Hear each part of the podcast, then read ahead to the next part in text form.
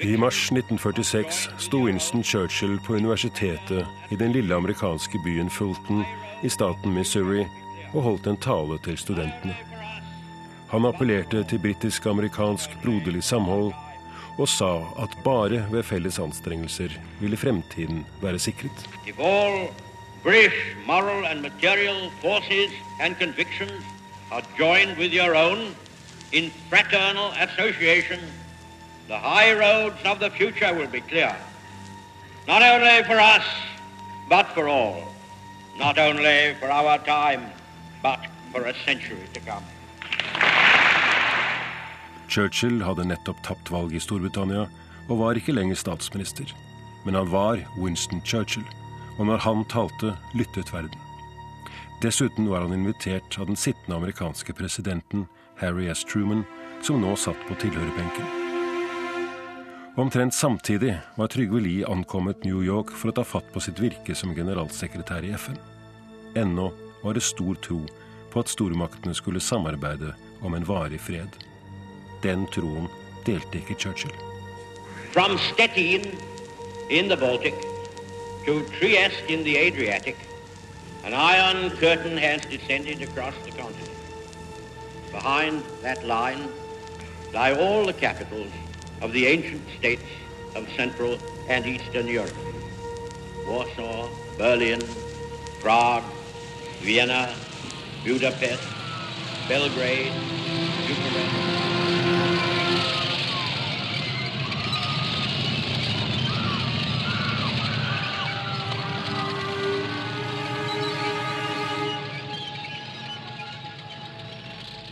I FN vakte talen reaksjoner. Trygve Lie formidlet selv budskapet til den engelske utenriksministeren Ernest Bevan om at den engelske regjeringen kanskje burde dementere talen. London svarte at hva privatmennesket Churchill uttalte seg om, fikk stå for hans egen regning. I Oslo skapte også talen bølger. Winston Churchill skulle ha vært på statsbesøk i Norge i 1946.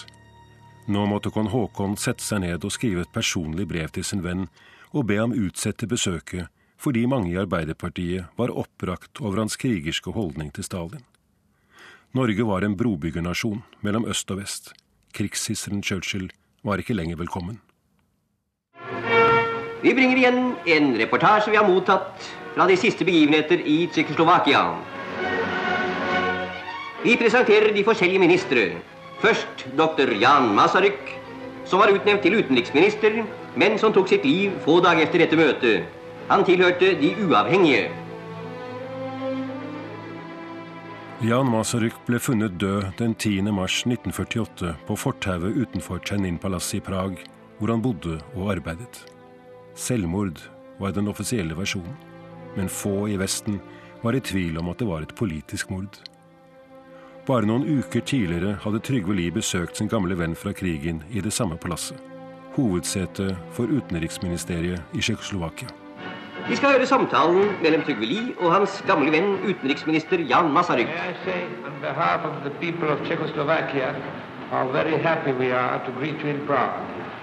Thank you, Mr. Masaryk. I can only say that I feel very happy to be with you and your colleagues, your country fellowmen, and I wish Czechoslovakia a prosperous future in peace and security. Thank you very much. Very kind. Tsjekkoslovakia var det eneste levende demokrati i Øst-Europa etter krigen. Et demokrati de hadde vært villige til å gi sine liv for. Her er en av de siste talene Masaryk holdt før han døde.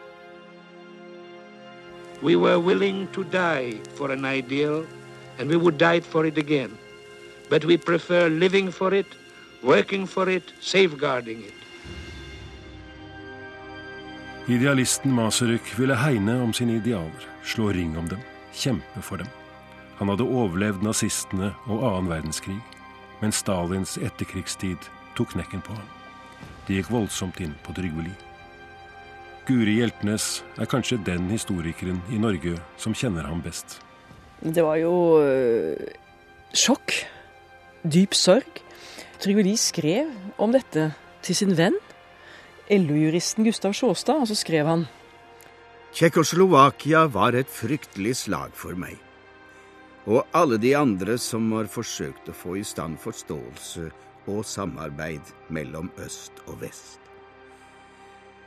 Masaryks død var kanskje den verste melding jeg noen gang har fått. Jeg var jo sammen med ham tre dager i slutten av januar i Praha. Etter det jeg hørte og så i Tsjekkoslovakia, er jeg på det rene med at man aldri kan stole på kommunister eller kommunistpartier. Kuppet i Tsjekkoslovakia viste at Stalin ikke var interessert i å fremme demokratiet i øststatene slik som han hadde lovet, både på Jalta og i Potsdam. At det var Jan Masaryk som ble drept, og det er jo mest sannsynlig, det har jo vært undersøkelse på undersøkelse helt til vår dag, men at det var han som var drept, var jo veldig symbolrikt. Han var sønn til Thomas Masaryk, den humanistiske filosofen, og presidenten i Tsjekkoslovakia ansvarlig for den nye staten etter Versailles-freden 1918. Så dette kuppet, da, som var en klassisk blanding av massedemonstrasjoner i gatene, elitemanipulasjoner, gjorde enormt inntrykk i Norge, og selvfølgelig da i FN på Trygve Lie. En hel generasjon, for ikke å si flere generasjoner, ble jo avhårende formet av dette. Og mange av de sentrale politikerne, Ap-politikerne, sosialdemokratene, kjente jo Masaryk. Også Einar Gerhardsen kjente Jan Masaryk, og fire dager etter kuppet i Tsjekkoslovakia holdt han sin berømte Kråkerød-tale. Hendingene i Tsjekkoslovakia har hos de fleste nordmenn ikke bare vakt sorg og harme, men også angst og uhyggestemning. Problemet for Norge er, så vidt jeg kan se, i første rekke et innenrikspolitisk problem. Det som kan true det norske folkets frihet og demokrati, det er den fare som det norske kommunistpartiet til enhver tid representerer. Trygve Lie eh, sa jo eh, eh, og skrev om denne talen, om Kråkerud-talen. Jeg synes Gerhardsen tale i Fredrikstad var utmerket. Det var nå gått to år siden Churchills tale om jernteppet. Nå begynte folk å tro at han kanskje hadde hatt rett. Forholdet mellom vestmaktene og Stalin var gått fra vondt til verre. Den eneste frie lungen i Stalins sfære var den vestlige delen av Berlin, midt i Øst-Tyskland. Så kom Berlinblokaden.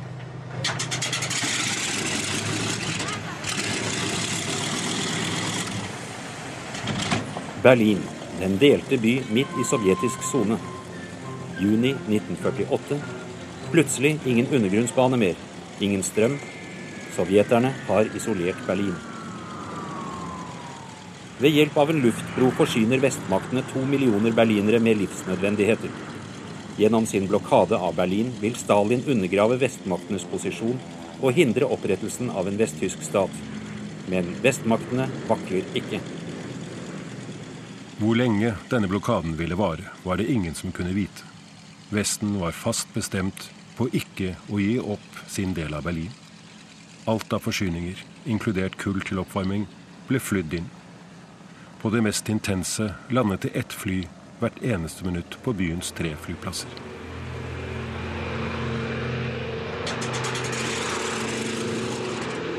Luftkorridoren fra vest var smal. Bare en liten feilnavigering kunne få alvorlige følger. Egentlig skulle hovedforsamlingen som nå møtte i Paris, ha tatt imot fredsmegleren Folke Bernadotte for å diskutere hans nye forslag til delingen av Palestina. Nå var Bernadotte myrdet. Berlinblokaden hadde tatt over som FNs viktigste forhandlingstema. Da Lie året etter så tilbake på våren 1948 og starten på Berlinblokaden, formulerte han seg slik. This session opened last September at Paris in an atmosphere of crisis and of profound fear. Trygve Lie hadde vært redd for en konfrontasjon mellom supermaktene i spørsmålet om Palestina. Han hadde kalt krisen mellom sionister og arabere den farligste siden slutten på andre verdenskrig. Nå var det plutselig en konfrontasjon mellom øst og vest, midt i hjertet av Europa. Selvfølgelig var dette en sak for Sikkerhetsrådet. Men Sovjet satte en stopper for enhver drøftelse med sitt veto. When three of the five great powers brought a complaint against the fourth great power in the Security Council last September. charging a threat to world peace in Berlin. Fears of war and of the destruction of the United Nations were general. What happened was something quite different. Trygve Lie siktet til viljen til fred og forsoning mellom de impliserte. Selv om Sikkerhetsrådet og FN ikke fungerte slik de ideelt skulle, ble Chaillot-palasset i Paris og senere hovedkvarteret i New York stedet der alle snakket uformelt sammen og til slutt fant en fredelig løsning på krisen. What does this record show?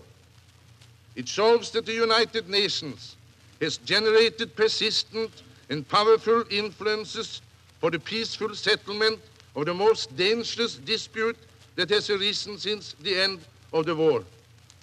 These influences for peace have persisted and reasserted themselves in one form or another, despite all setbacks, until eventually they have prevailed.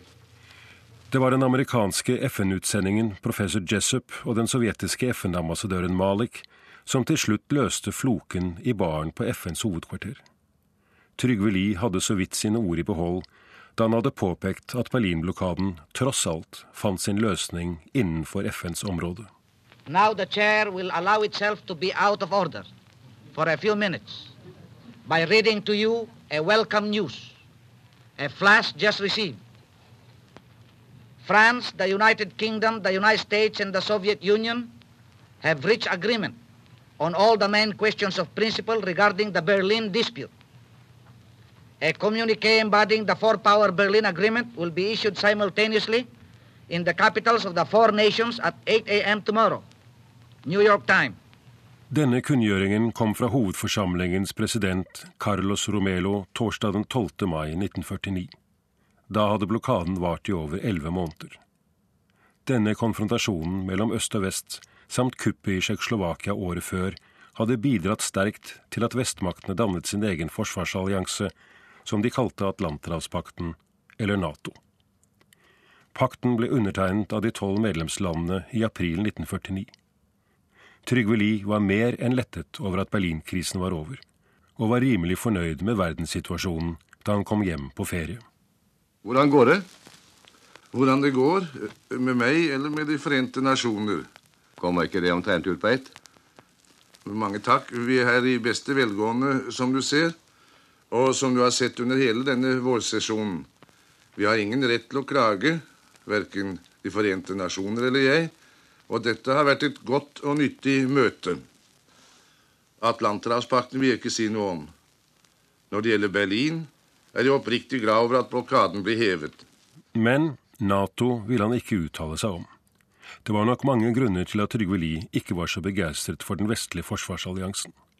Han så på den som en svekkelse av FN. Statsminister Einar Gerhardsen hadde dette å si om Lies holdning. Ja, jeg har vel liggende ennå, tenker jeg, et brev som han skrev til meg under den debatten. Og da la han ikke skjul på at ut fra hans synspunkt vil han se det som ønskelig at Norge ikke gikk med som, som medlem av Nato. Det tror jeg nok måtte ha sammenheng også med hans stilling som generalsekretær. Han hadde hensyn å ta til begge sider. Det møtte han vel allerede under valget. Det var viktig å få ikke bare Amerika og de allierte, men også Sovjetunionen og deres allierte med å støtte opp om, om eh, generalsekretæren. Og han eh, ville nok gjerne ta vare på den posisjonen, og hadde da helst sett at Norge ikke hadde gått inn som medlem. Trygve Lie hadde hele tiden blitt sett på som en brobygger mellom øst og vest, og slik så han også på seg selv. Han hadde et godt forhold til den sovjetiske delegasjonen, og uttalte på sine eldre dager. Jeg har jo møtt både Stalin, Molotov og Wyszynski, og de er fremragende dialektikere på sine forskjellige områder. Men personlig setter jeg mest pris på Andrej Gromyko.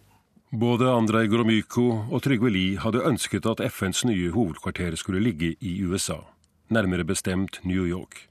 Det var utrolig viktig å ha supermakten USA med som en aktiv spiller i den nye organisasjonen. Amerikansk isolasjonisme måtte forebygges for nesten enhver pris. Trygve Lie har mye av æren for at New York ble hovedsete, og det var takket være hans gode forhold til byplanlegger Robert Moses og byens borgermester William O'Dwyer at han fikk den flotte tomten på Manhattans østside. Men tomten var alt annet enn flott i 1946. Det var et høl. Det gamle slaktområdet i Turtle Bay. Der kom lastebilen inn med dyrekadavre på lastebilene. Det luktet jo. Det luktet jo blod, det luktet råte, det luktet jo dyr, det luktet slakt. Da man bygget disse tidlige leilighetene og boligen ut mot Turtle Bay, så luktet det så forferdelig at man ville jo ikke ha den lukten inn. Altså ble det bare bitte små vinduer, altså toalettvinduer, ut mot Turtle Bay. I dag er det jo en selvfølge at FN skulle ligge så sentralt. Men det var jo ikke noe enkelt. FN-ansatte Trivoli forteller om all den motbøren de fikk. Amerikanerne ville jo ikke ha FN innpå seg. Denne, de var jo liksom denne isolasjonistiske tradisjonen. Når det kom FN-biler, UN, som det sto på bilen da de kjørte ut i starten, ut til Hunter College i Bronx eller ut til Long Island, da de kom ut dit Hvordan de ble buet på av drosjer. Hvordan de ble hundset for i pressen. Altså, det var en veldig motstand. Men i dag, når vi ser fasiten, så er det helt riktig. It is with a profound sense of the historic significance of this occasion that I proceed to dedicate the cornerstone of the permanent headquarters of the United Nations. The Charter of the United Nations. Trigve Lee is dedicating the cornerstone of the permanent headquarters. The band has played. 10,000 people massed in front of the tall shaft of stone and steel and glass along the shelf of Manhattan Island have cheered a succession of notables. First, the President of the General Assembly, General Carlos P. Romulo. We shall have failed in our supreme duty to mankind if we do not make the permanent home of the United Nations the house of peace. FNs hovedkvarter som et fredens hus. Det var store ord. Men håpet om fred lå nærmest i jobbeskrivelsen til presidenten for hovedforsamlingen. Likeledes for Trygve Lie som verdens fremste tillitsmann. FN hadde klart å få i stand våpenhvilen mellom Israel og dets naboer i Midtøsten. Og selve FN som møtested for nasjonene hadde mye av æren for at Berlinblokaden kom til en fredelig løsning. Men når 450 millioner mennesker i Kina skiftet kurs, ristet det i grunnvollene til FN-byggverk.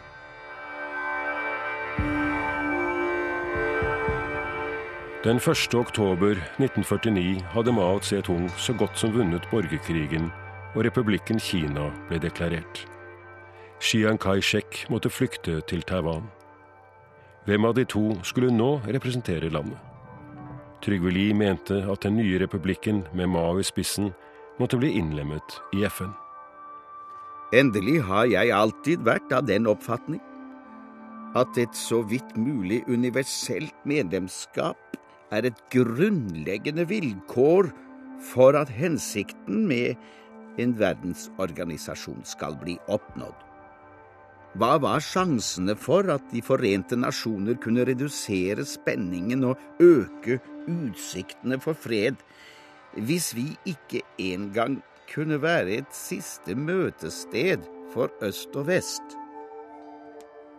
Men USA sa nei og nedla veto. Moskva svarte med å marsjere ut av Sikkerhetsrådet og ville ikke komme tilbake før Kai Shek var kastet ut av FN og Mao hadde tatt hans plass. I februar var Mao Tse-tung på sitt første offisielle besøk i Moskva.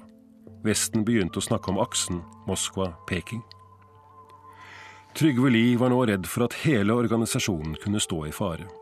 FN fungerte ikke når den ene supermakten ikke ville være med. Lie var også bekymret for at Sovjetsamveldet og dets satellittstater kunne finne på å forlate FN, og sammen med det nye Kina danne en alternativ fredsorganisasjon. Et alternativt FN i øst, som også kunne dra med seg araberstatene. For Lie var denne tanken nærmest et mareritt. For ham ville det være en katastrofe. Han måtte ta et initiativ. I dag står vi ved korsveien. Jeg så det slik at skulle den kalde krigen bare fortsette og fortsette, skulle det ene politiske framstøt stadig føre nye stridigheter med seg i en uendelig rekkefølge, ville vi til slutt stå på randen av den tredje verdenskrig, i all dens gru.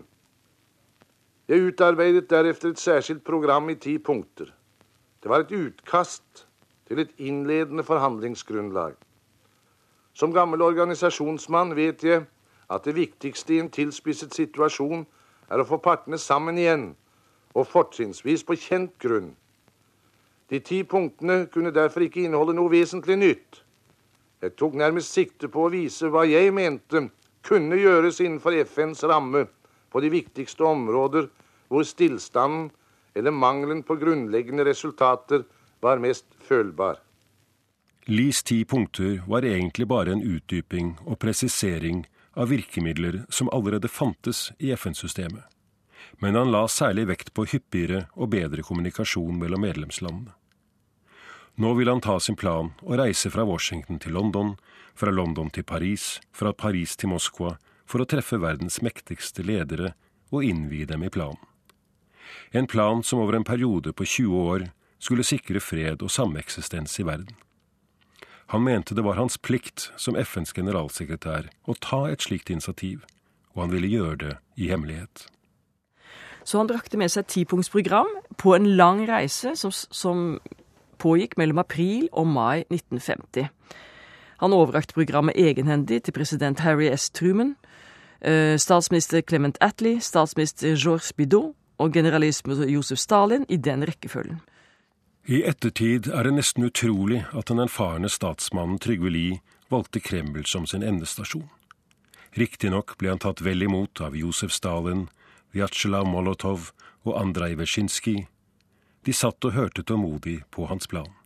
Stalin hadde til og med satt seg inn i de ti punktene på forhånd, og var ifølge Lie meget interessert. Men Stalin følte seg krenket over å være sistemann på listen. Stalin hadde vært kjent med at Lies punkter uh, før han kom til Moskva for å presentere denne 20-årsplanen, og han ba Molotov kommentere punktene. og Molotov sa han hadde god forståelse for det, men fant memorandet ensidig og mente at mange av punktene ga uttrykk for amerikanernes syn, og framholdt at Lie hadde utelatt det sovjetiske synet på flere punkter. Trygve Lie følte at besøket i Moskva, tross Molotovs innsigelser, hadde vært en betinget suksess, og han bar på en forsiktig optimisme på veien hjem til New York via de samme hovedstedene og statsmennene. Siste stopp på hjemturen var Det hvite hus, hvor president Harry Truman igjen tok imot ham og hørte hva han hadde å fortelle. I think you have done a lot of good, sa president Truman da de tok farvel. Altså, jeg syns du har gjort mye bra her. Planen til Trygve Lie ble offentliggjort i juni 1950. Han høstet en smule kritikk for sitt hemmelige diplomati, men mest fikk han ros fordi han hadde tatt et modig initiativ. Han hadde brukt all sin tyngde, prestisje og personlige makt for å få øst og vest til å snakke sammen igjen. Hvis han nå bare kunne løse problemet med Kinas representasjon, ville også Sovjet komme tilbake til Sikkerhetsrådet, og FN ville begynne å fungere igjen som før.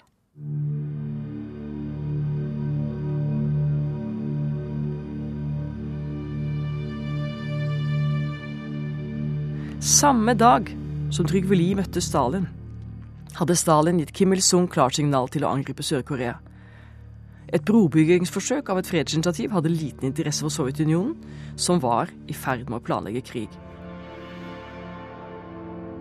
Enkelt sagt Koreakrigen torpederte Trygve Lies fredsplan. 25.6.1950 så krysset nordkoreanske styrker 38. breddegrad. Nord-Korea angrep Sør-Korea. Og da USAs viseutenriksminister John Hickerson ringte rett før midnatt og informerte generalsekretær Trygve om angrep på Sør-Korea, var hans første reaksjon, ifølge ham selv, My God, Jack, that's against the Charter of the United Nations. Nå var Trygve Lie oppbrakt, og han var sint. Handlingsmannen var raskt på banen. Han behøvde ikke innkalle Sikkerhetsrådet til møte. Det hadde amerikanerne selv bedt om. Men det var generalsekretæren selv som først tok ordet. The present situation is a serious one and is a threat to international peace. I consider it the clear duty of the Security Council to take steps necessary to re-establish peace in that area. Etter at Trygve Lie hadde talt, ble ordet gitt til den amerikanske utsendingen Ernest Gross.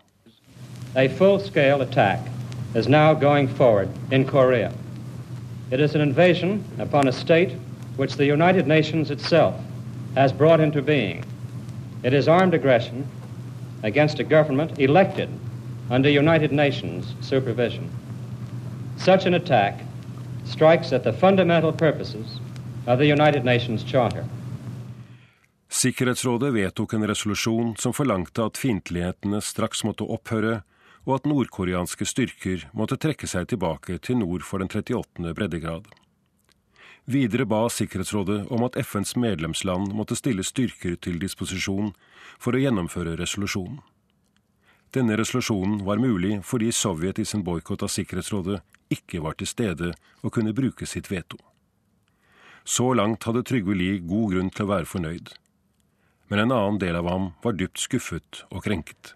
Han opplevde som et svik, og uærlig og uredelig. Og med tanke på hele hans liksom helt fra 1921, første gang han har vært der, han hadde jo hatt et forhold til det landet, det var klart det var bittert. Selv har Trygve Lie skrevet i sine memoarer. Men det som gjorde min egen reaksjon så sterk, var følelsen av at Moskva bevisst hadde spilt dobbeltspill og valgt å skape en fredelig atmosfære, vel egnet for et overrumplingsangrep i Korea. Ved offentlig å ta imot min fredsplan så velvillig en måned tidligere. Trygve Lie var overbevist om at den eneste måte å reagere på var å sende tropper til unnsetning til Sør-Korea. Men FN hadde ikke selv noen soldater å sende. Løsningen ble at Sør-Korea appellerte til FN om beskyttelse. FN kunne så be USA om militær støtte til å kjempe på vegne av De forente nasjoner. Den amerikanske utsendingen Austin svarte FN slik. The Republic of Korea has appealed to the United Nations for protection. I am happy and proud to report that the United States is prepared as a loyal member of the United Nations to furnish assistance to the Republic of Korea. Amerikanske tropper stasjonert i Japan under general MacArthurs kommando gikk nå til motangrep og førte krigen mot Nord-Korea på FNs vegne. Andre stater kom til. Norge sendte feltsykehus og helsepersonell. Krigen var i gang, og den skulle bli blodig. Det er dokumentert at det her dreier seg om en angrepskrig, og at det var nordkoreanerne som begynte krigen. Hensikten må åpenbart ha vært ved et plutselig lynoverfall på det uforberedte Syd-Korea å besette landet i løpet av kort tid og stille verden overfor en fullbyrdet kjensgjerning. Når det ikke lyktes, så skyldes det at FN så hurtig gikk til aksjon for å stanse angriperen. Alle som mener at tvistigheter skal løses ved forhandling og ikke ved krig, kan prise seg lykkelig over det. Skal verden bli spart for krigerske overfall, slik vi nå har sett det i Korea, så er det nødvendig at angriperne blir slått tilbake, slik at det vil stå klart for all verden at det ikke lønner seg å begynne en krig. I sine memoarer 'Syv år for freden' skrev Lie om Koreakrigen. Aggresjonen i Korea kunne ha endt med en katastrofe for FN. Men her på det asiatiske kontinent besto De forente nasjoner sin prøve og statuerte det første eksempel på en væpnet internasjonal politiaksjon på en krigsskueplass. De forente nasjoners generalsekretær ble av dem som sto på angripernes side, sterkt kritisert for sitt standpunkt i denne konflikten, men selv betrakter jeg min aksjon som den mest berettigede jeg har foretatt meg i løpet av syv år i fredens tjeneste. Trygve Lies gamle venn og partifelle Håkon Lie hadde dette å si om generalsekretærens håndtering av konflikten. Han gjør etter min oppfatning da den innsats som senere generalsekretær aldri har gjort. Men Trygve Lies handling i forbindelse med Koreakrigen, eh, den står der som et monument over Trygve Lie. Men det ble naturligvis også på en måte hans banesår. Fra den dagen av var han persona non grata i Moskva. Koreakrigen ble vendepunktet i Trygve Lies stilling som generalsekretær. Lie hadde god grunn til å føle seg lurt og utnyttet av Moskva. Han følte seg dolket i ryggen. All hans innsats på Moskvas vegne for å skape fred og tilnærming mellom supermaktene var glemt. Fra nå av ble Trygve Lie, både som person og som generalsekretær i FN, boikottet av Moskva. For Stalin og hans folk var Trygve Lie nå blitt en ikke-person. Moskva nektet rett og slett å ha noe med ham å gjøre. De hilste ikke på ham, svarte ikke på henvendelser, og Trygve Lie ble aldri invitert til selskaper eller mottagelser holdt av den sovjetiske delegasjonen i FN. Utenriksminister Wyszynski skulle ikke ta Lie i hånden før den dagen Lie gikk av og hadde introdusert Dag Hammarskjöld som sin etterfølger. Samtidig med at isfronten mellom Moskva og Lie ble opprettholdt, fortsatte den blodige og farlige krigen i Asia. De forente nasjoners endelige mål i Korea er å fremhjelpe et samlet, fritt, folkestyrt statssamfunn, hvor det koreanske folk kan få leve sitt liv i fred med alle naboer, til lands og til sjøs. Dette standpunkt og disse mål kan FN ikke gå tilbake på. Vi kan ikke tillate at et spesielt regjeringssystem, det er det samme om det er et nazistisk, fascistisk, kommunistisk, sosialistisk eller et kapitalistisk system, skal bli presset og tvunget inn på et folk med våpenmakt. Til å begynne med gikk krigen ganske bra for general MacArthur og hans styrker. Men så kastet Kina seg inn i konflikten. Den første seieren for FNs prinsipper, den rent militære, var også innenfor rekkevidde til for en fire-fem uker siden. Det var da en halv million kinesiske soldater plutselig ble kastet inn i kampen. Den kinesiske regjering oppfordret åpent det unge Kina til å delta som såkalte frivillige i krigen i Korea. Den politiske og materielle støtte som to stormakter tidligere hadde gitt til angriperne, gikk for den enes vedkommende nå over til direkte militær innblanding. Koreakrigen førte til et fullstendig brudd mellom Sovjetunionen og generalsekretær Trygve Lie. Så det faktum at russerne til stadighet brukte sitt veto i Sikkerhetsrådet og også boikott generalsekretærens person, det rammet og lammet Lie. Trygve Lie var fornøyd med at han hadde fått satt i gang et motangrep på Nord-Korea, og han var temmelig sikker på at FNs fasthet til slutt ville seire. Som generalsekretær var det ellers lite han fikk utrettet når han nå var boikottet av Moskva. Men byggesaken, byggingen av FNs hovedkvarter, kunne han alltid strive på med. Hans nære medarbeider og informasjonssjef Tor Gjesdal fortalte. Jeg husker at han, han tilbrakte hver eneste tirsdag i fem år omtrent eh, sammen med arkitektene i, inne i, i, New York. Han reiste fra Lake, Success, og han var med og planla faktisk talt hver, hver minste detalj. Og, uh, han kjente jo dessuten alle mennesker og, og, og, pratet med dem og fikk gode råd som han, som, som han brukte. Nei, dette bygget som vi nå sitter i, det er jo virkelig et, et monument over hans administrasjonstalent. Uh, bygningen var jo noe som jeg har planlagt sammen med eksperter og arkitekter. Og jeg har fulgt den fra begynnelsen da vi begynte å grave ut til de tre etasjers eh, garasje.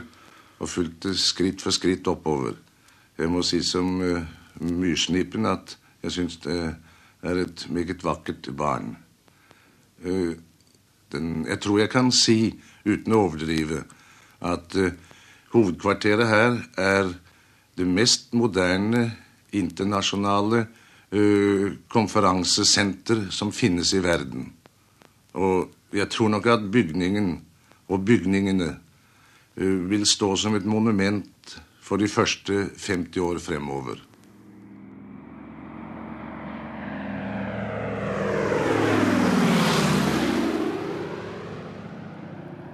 Når Trygve Lie som vanlig tar sin ferie i Norge, blir han som alltid intervjuet av NRK. Foreløpig reiser jeg altså hjem til, til, huset vårt på Sjøstrand. Men eh, jeg har jo alle forbindelser til Amerika, til eh, eh, London og Paris. Og hvis noe ekstraordinært skulle hende som nødvendiggjør mitt nærvær et eller annet sted i verden, så kan jeg dra på kort varsel. Men hvis jeg skulle være nødt til å forlate Norge på kort varsel, så er ikke det ensbetydende med at det vil skje noe katastrofalt. Ja, mange takk. Nå skal jeg forstyrre med. Og Trygve Lie må snart gjøre vennereis. Men ikke fordi det er skjedd noe katastrofalt. Snarere tvert imot. The Soviet peoples further believe that the most acute problem of the present day, the problem of the armed conflict in Korea, etter et års harde og blodige kamper var alvoret i FNs politiaksjon i Korea endelig gått opp for Moskva. Nå kom den sovjetiske FN-ambassadøren Jakob Malik med et håp om fred. For en gangs skyld snakket han engelsk.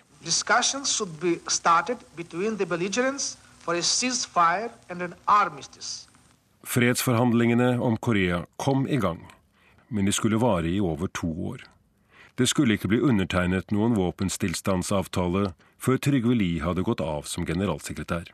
Mirakler skjer ikke, og tusenårsriket vil alltid være et mål i det fjerne. De langvarige drøftningene av en våpenstillstand i Korea er et typisk eksempel på hvor vanskelig forhandlingenes kunst er, hvor meget tålmodighet som kreves, og hvor viktige nettopp detaljene blir. Ellers er jo Koreasituasjonen også den farligste vi har hatt siden 1945, hvor feiltrinn kan få de alvorligste konsekvenser. Selv om fredsforhandlingene om Korea nå var i gang, ble Trygve Lie fremdeles boikottet av Sovjet og dets allierte. Snart skulle han også bli presset fra amerikansk hold. Kommunistjegeren Joseph McCarthy hadde for lengst gjort sitt inntog i amerikansk offentlighet. Nå hadde han lagt sine øyne på FN og dets medarbeidere. Og ikke lenge etterpå så ble Trygve Lie også presset fra amerikansk hold, hele FN, der McCartismen bokstavelig talt rykket inn og gikk løs på den amerikanske ansatte, og som var da hovedtyngden av FNs administrasjon i, eh, i sekretariatet.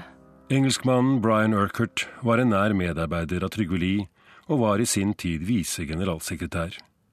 Han var ansatt i FN fra dets begynnelse i 1946 til han gikk av i 1986. Han hadde dette å si om Trygve Lies to siste år i FN. And he also had a very great deal of trouble with the United States. This was the McCarthy period, the anti communist witch hunt in the Secretariat, which made his relations with the United States extremely complicated, and also his relations with his own staff. De som hadde søkt seg til FN etter krigen, var ofte idealister, som Brian Urquhart selv. Det var mennesker som trodde på fred og samhold. Under den kalde krigen ble disse menneskene sett på som tvilsomme radikalere i USA. Joseph McCarthy kalte dem kommunister. Det var mange idealistiske unge mennesker som kanskje hadde en radikal fortid i mellomkrigstiden, som hadde søkt seg til FN. Det er klart det var moderne, radikale mennesker som ønsket å arbeide der. Uh, og Noen ble beskyldt for å være spioner og fikk senere frikjent, og nå viser nyere forskning at de like ville være spioner likevel. Dette er et kjempekomplisert felt. Men det endte jo med at uh, det ble gitt krav om undersøkelse, og da er det der FBI kommer inn. At de ble da rykket inn etter nyttår 1953. På tolv dager ble det tatt 1755 fingeravtrykk. Det var noen da som valgte å slutte. Uh, jeg intervjuet Oskar Schachter, som arbeidet i FNs juridiske kontor, og han forsøkte å forhindre, fortalte han meg, at en bibliotekar sa opp. Hun var helt fortvilt og ville levere en oppsigelse. Og Så sa Sjakter du har jo ingenting å frykte. Og så betrodde hun seg til ham og sa at hun orket ikke tanken på at det skulle komme for en dag at det var en familiehemmelighet om at hennes mann egentlig var homofil. Andre personer fortalte Sjakter at de sa på andre grunner. Noen hadde jukset litt på CV-en sin, pyntet litt da de fikk jobb i FN, orket ikke den scrutinizingen som det skulle komme. Slik at McCarthyismen i FN spredde jo en uro blant mennesker som kanskje hadde et eller annet sitt privatliv, en eller annen fortid. At Trygve Lie lot FBI komme inn på FNs område for å forhøre sine egne medarbeidere, ble ikke tatt nådig opp av staben. På den annen side var det vanskelig å stå imot amerikanske myndigheter. Uansett hva Trygve Lie gjorde, ble hans egen posisjon mer og mer utsatt. It was a terrible trial for him that period because he had these two complications with the two most powerful countries. And I think he handled it very well. He finally resigned on this issue, saying that he felt that the organization should have a secretary general who could work with all of the permanent members, and obviously that wasn't the, the case in, in his position. But that was not his fault at all. This was simply a, a, a, a sort of freak of history, really. 10.11.1952 overrasket Trygve Lie hovedforsamlingen med denne talen. I would like the members to know that I am stepping aside because I hope this may help the United Nations to save the peace and to serve better the cause of freedom and progress for all mankind. Det er klart at eh, avslutningen ble kjempevanskelig med Koreakrigen, vetoene og ikke minst den kommunistiske heksejakten på amerikanerne i sekretariatet. Det var jo en helt forferdelig situasjon. Um, man var sliten, jeg tror, å sitte fra 1946 til 1953. Det er mange år i en krevende stilling. Det er liksom ikke noe sånn uh, latmannsjobb. Ingen må tro at jeg, er gått trett, eller at de er sliten, eller ikke er opplagt. Tvert imot. Jeg hadde liksom følelsen av at medlemsstaten ikke var klar over eh, den eh, politiske situasjonen i verden på en slik måte at de enten kunne finne eh, botemidler eller holde sammen eller treffe beslutninger som brakte noe av den store usikkerhet ut av verden. Så jeg kan jo ikke gjøre som andre, bare sier 'ta hatten min og, og, og gå'. Jeg må altså sitte her og vente i håp om at de skal finne en god og verdig efterfølger. Og det er jo et uh, godt sted å sitte og vente der oppe på 38. breddegrad, for ikke å si høydegrad. De trives der, har jeg inntrykk av. Og jeg kan jo tenke meg andre steder som er bedre å sitte på og vente på, da. Men uh, uh, noen må jo være der. Ja, noen må være der. I fem måneder skulle Trygve Lie sitte og vente på at FN fant hans etterfølger. Det var få som hadde hørt om svensken Dag Hammarskjöld heller ikke Trygve Lie. Men det skulle fort vise seg at han var både en god og verdig etterfølger. Lie hilste ham velkommen til New York med disse ordene. Dag Hammarskjöld, I wish you from the bottom of my heart welcome to New York and to the United Nations headquarters. You are going to take over the most impossible job on earth. But I Thank wish you all luck and all the best. Thank you very much for those kind words. Den 11. april 1953 ble Dag Hammarskjöld innsatt som FNs andre generalsekretær. I have the great honor to introduce to you Mr. Dag Hammarskjöld, your new Secretary General of the United Nations. Etter edsavleggelsen hilste den avtroppende og påtroppende generalsekretæren på FN-lederne. I den overfylte salen var det spontanapplaus da den sovjetiske utenriksministeren Andrej Vesjinskij trykket Lies hånd for første gang på tre år. Boikotten var over. Men det var også Trygve Lies tid som FNs øverste leder.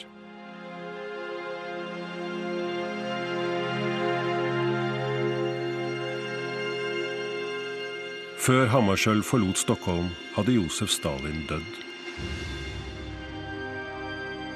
Like etter at Trygve Lie ankom Oslo, ble våpenstillstanden i Korea undertegnet. En ny tid var i emning.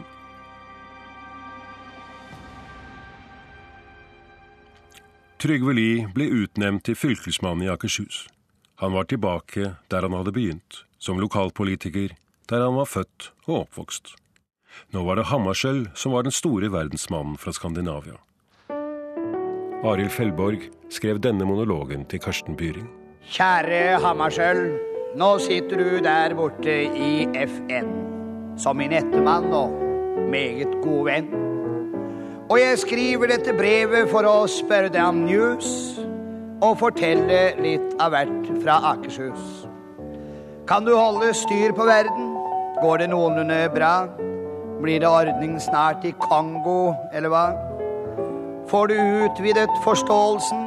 Selv ser jeg ikke tegn til å få utvidet en stump av Drammensveien. Nordre Hørland er konkurs om noen måneder. Folk i Asker kaller bæringer for lus. Son vil ikke ha noe samarbeid med soner. Så verden er vel sånn omtrent som Akershus. Det står ikke i din makt å skaffe fred i Algerie. Jeg kan ikke skaffe fødehjem på Ski. Du har glattet ut konflikter, ryddet bort noen anstøtstein. Jeg har asfaltert noen høl på Mosseveien. Kjære Hammarskjöld, nå håper jeg du svarer. Ha det prektig. Mange hilsener Trygve Lie. Eh, ta noen gjennomslag til mine memoarer. For jeg syns verden er en Akershus-kopi. Da Trygve Lie kom hjem til Norge, bestemte han seg for å skrive sine memoarer. Han tok med seg en jernbanevogn full av notater, brev og historiske fremstillinger, noen unge, nyutdannede historikere og en dyktig jurist, og søkte tilflukt på hytta i Rugeldal i nærheten av Røros. Der forskanset han seg til boka Syv år for freden var ferdig i 1954. Den engelske og norske versjonen kom ut samtidig. I juni 1955 så skulle det jo være tiårsjubileum for FN. Og ikke tilfeldig så skulle dette feires nettopp i den byen der FN-pakten ble undertegnet 26.6.1945. Eh, og jubileet skulle selvsagt holdes i de samme bygningen som den gang, i San Franciscos Opera House. Og i mai så kommer det et brev i posten fra Dag Hammarskjöld sittende generalsekretær FN til Trygve Lie, som inviterer han hjerteligst til å komme og være med og holde en tale. I memoarene hadde Trygve Lie gitt sin versjon av hva som egentlig skjedde under hans tid som generalsekretær. Om Palestina-konflikten skrev han annet i klartekst om sine nære forbindelser med representanter for Det jødiske nasjonalråd, og han beskriver opprettelsen av staten Israel som en historisk nødvendig prosess som han er stolt av å ha vært en del av. Når det gjaldt Koreakrigen og Moskvas håndtering av konflikten, var han temmelig åpen om hva han syntes om Stalin og hans medarbeidere. Den engelske versjonen av boken ble selvsagt lest med lupe, ikke bare av Lies tilhengere og beundrere, men også av hans argeste motstandere. Plutselig kom nye brev fra Dag Hammarskjöld, og nå er tonen litt annerledes. Lie blir forundret og forvirret, og spør sin gamle venn Andrew Cordier om han har noen forklaring. Cordier svarte med et åpenhjertig brev til Lie. Det var Moskva og de arabiske delegerte som hadde truet med å boikotte enhver sammenkomst der Trygve Lie skulle være til stede. Russerne hadde protestert først, så araberlandene, og dermed hadde flere blandet seg i koret. Og dersom tolv lands delegasjoner nekter å være til stede av 60 medlemsland, ville jo det ha skapt en oppmerksomhet om FNs tiårsjubileum som ingen ønsket. Eh, og det ønsket jo ikke Trygve Lie. Å ødelegge for FN. Han var jo FNs mann. Hans hjerte hadde banket for FN. Og det ville jo også for ham ha vært en politisk og personlig ydmykelse. Så han tok noen dagers tenkepause. Reiste fra Røros til Oslo. Telegraferte Dag Hammarskjöld. Så til Andrew Cordier. San Francisco Impossible. Trygve Lie er alltid blitt stående i skyggen av Dag Hammarskjöld. De to var vidt forskjellige som personer, men det var historien selv som ga dem forskjellige roller. Trygve Lie var bulldoseren som bygget opp FN fra grunnen av, men som endte sine dager i FN som handlingslammet, ydmyket av Sovjet og tråkket på av McCarthy og FPI. Dag Hammarskjöld døde på sin post i Kongo i 1961.